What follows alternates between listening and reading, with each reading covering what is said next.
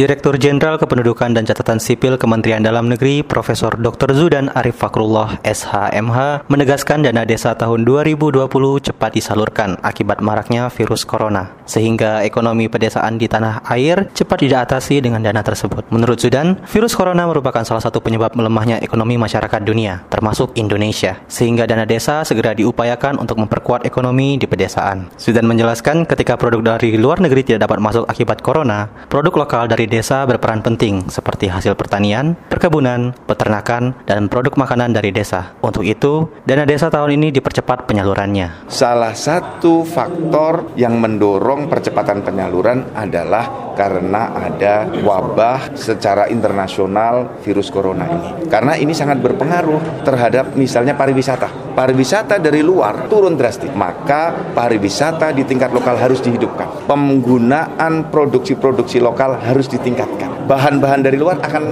sulit masuk. Nah, oleh karena itu produksi lokal harus segera kita optimalkan untuk dimanfaatkan oleh seluruh bangsa kita. Sudan berharap ekonomi masyarakat di pedesaan harus kuat, terutama di Provinsi Kepulauan Bangka Belitung. Dan dana desa segera dipergunakan sesuai fungsinya. Ekonomi desa kuat, negara maju. Saya Uki dari Diskominfo Provinsi Kepulauan Bangka Belitung melaporkan.